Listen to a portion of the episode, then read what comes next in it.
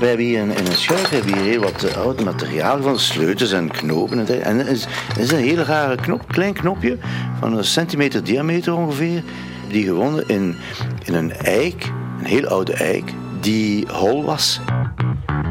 Mysteries in Vlaanderen. Ik ben Katrien Vaas en ik wil het mysterie oplossen van de knoop van heks.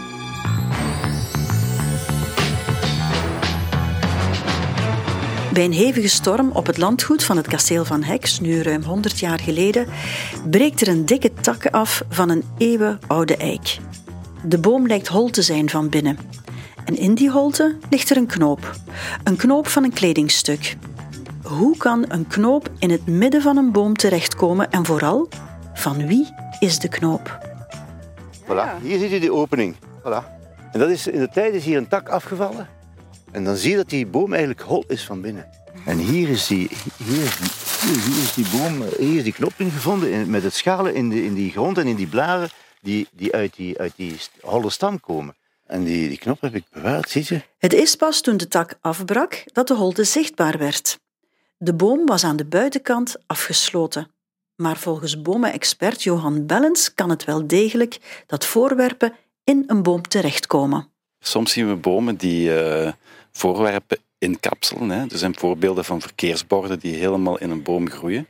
En dat komt eigenlijk door de manier waarop een boom groeit. Hè. Een boom groeit in de breedte. En als hij dan een voorwerp tegenkomt, dan kan hij erin slagen om dat uh, in te kapselen. En uh, bijvoorbeeld ziet je ook als je uh, in een bos komt en mensen hebben daar 30, 40 jaar geleden hun naam in, ge in gekerfd die afbeelding gaat niet naar boven, maar die blijft op dezelfde hoogte. Dus een boom groeit altijd in de breedte. En dan kan het gebeuren dat een draad of een voorwerp mee inkapselt. Wat duidelijk is, is dat die knoop daar heel lang gelegen moet hebben als de boom die ingekapseld heeft.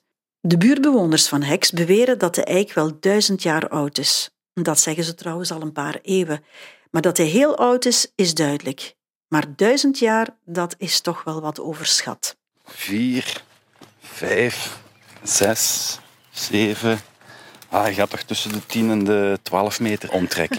Dat is fantastisch. Hè? Ik schat zo 700, tussen de 700 en de 800 jaar oud. En eigenlijk kun je daarmee ook uh, zeggen dat de knoop in een soort uh, tijdscapsule gezeten heeft. Hè? Want het, daar waar hij ingegroeid is, daar is hij ook altijd blijven, blijven zitten of blijven liggen. Hè? En op die manier kunnen ze misschien ook een uh, datering beter preciseren. Hè? Blijft de vraag wie de knoop daar verloren is. We vragen de hulp van onze luisteraars en Jos Belfroy denkt het antwoord te weten. Hij laat weten dat hij als kind op het kasteeldomein woonde. Zijn vader was de boswachter van de graaf en het park van het kasteel was zijn speeltuin. Ik herinner me een holle boom waar ik in speelde. Dat was kort met de vijver en dat was bijna in bos in de wei. Dat was een eikenboom. En ik ben daar ooit een kettingsje kwijtgeraakt in, in die bomen. Dat heb ik daarna wel teruggevonden. Ik, ik herinner me niet dat ik een, een knop kwijtgeraakt ben en, en, en dat ik denk van, dat is de knoop. Het was gewoon, ik hoorde de, dus dat mysterie over die knoop. En mhm. ja, bij mij kwam de gedachte op van, ja, dat zou ook wel eens kunnen van mij zijn, omdat ik ook dat kettingske daar verloren had. Mocht Jos een knoop verloren zijn, dan was dat tussen 1951 en 1968, want toen woonde hij op het domein. Zijn vader is toen overleden en de familie verhuisde naar een naburig dorp. Maar graaf Duurcel weet dat de knoop veel ouder is. Hij werd ongeveer 100 jaar geleden al gevonden omdat hij van koper of brons is en omdat er ook een embleem in staat, vermoedt hij ook dat de knoop deel uitmaakte van een uniform. Dus moeten we zoeken naar iemand die meer weet over oude uniformen. Het Koninklijk Museum van het Leger en de krijgsgeschiedenis lijkt ons een goede startbasis. Maar dan krijgen we een tip uit een beetje onverwachte hoek. Er is een bedrijfje dat allerhande uniformen namaakt. Ik maak een afspraak met Tim van Deutenkom. Zijn bedrijf maakt kleding voor filmproducties en reenactments. Dat zijn evenementen waar passages uit de geschiedenis nagespeeld worden. De kleding wordt nagemaakt tot in detail. Tim leidt me rond. Hij toont me uniformen waarmee soldaten vroeger ten strijde trokken. Dat is een algemene gesp die door de officieren wordt gedragen met een medusa-hoofd. Dat is het, het, het, slangenmens. Daarboven eentje met gekruiste kanonnen voor, eh, voor artillerie. Dus mensen die met kanonnen rondtrekken.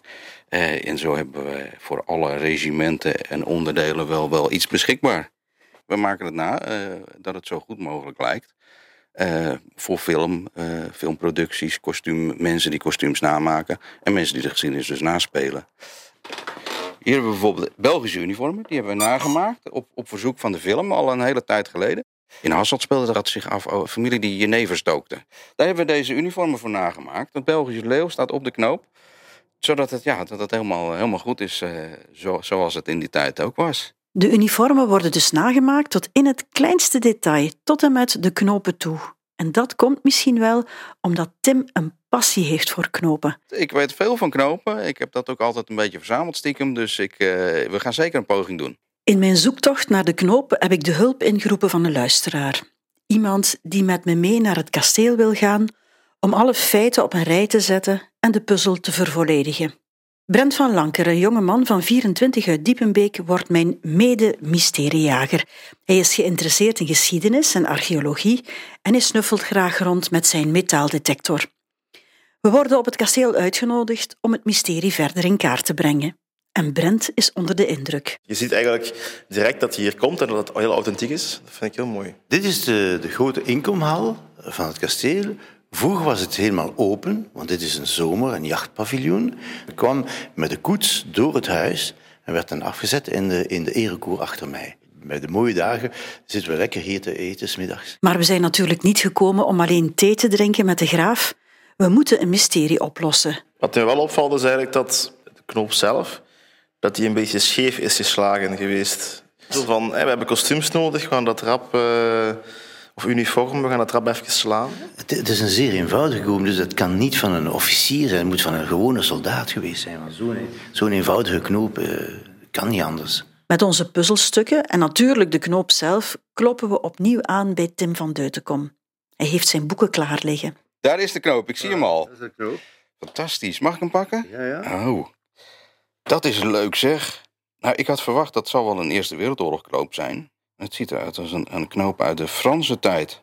Jij herkent dat zo meteen. Nou, ik herken hem. Het is een platte knoop. En, en de, de manier waarop hij gemaakt is, het is een klein model knoop. Maar helemaal precies moet ik even toch de boeken erbij gaan pakken. En die heb ik, heb ik allemaal meegenomen.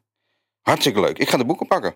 Franse verlies, dat is dus uh, 1789. In Luik was dat 1794. Dat heeft daar een paar honderd jaar in gelegen. Kijk, kijk de, de, de, de Fransen waren kampioen in het maken van knopen. En dat staat vol met tekeningen van knopen. En dan moeten we eigenlijk alleen maar op zoek gaan naar de tekening van jullie knoop. Maar zoals je ziet, er zijn er nogal wat. Ja, ja, ja.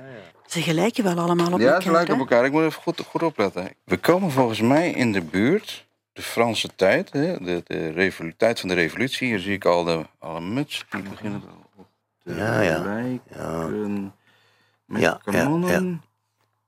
Dat moet hem zijn volgens mij. Ja, Nummertje de- in de knoop, op de knoop ziet, zie je geen kanonnen. Hè? Dus, dus van, waarschijnlijk van infanterie. Dus het is infanterie. En even kijken, wat staat er bij nummer 9? Bouton républicain. Een oneindige hoeveelheid varianten. Maar het is dus de algemene knoop die 4 oktober 1792 is ingevoerd. Maar dat was een heel eenvoudige knoop, dus waarschijnlijk een sans-culotte. Een gewone soldaat. Ja. Die is blijven hangen in een tak en eh, gewoon losgerukt van zijn, van zijn jas. En daarmee is ons mysterie opgelost. Een Franse soldaat die kort na 1794 meegevochten heeft in de Franse Revolutie, heeft op het domein van het kasteel van Heks geschuild in de holte van de eikenboom. Hij is er een knoop van zijn uniform kwijtgeraakt. Door de tijd is de holte van de boom dichtgegroeid en werd de knoop ingekapseld in een soort tijdscapsule. De knoop is thuis. Mysteries in Vlaanderen.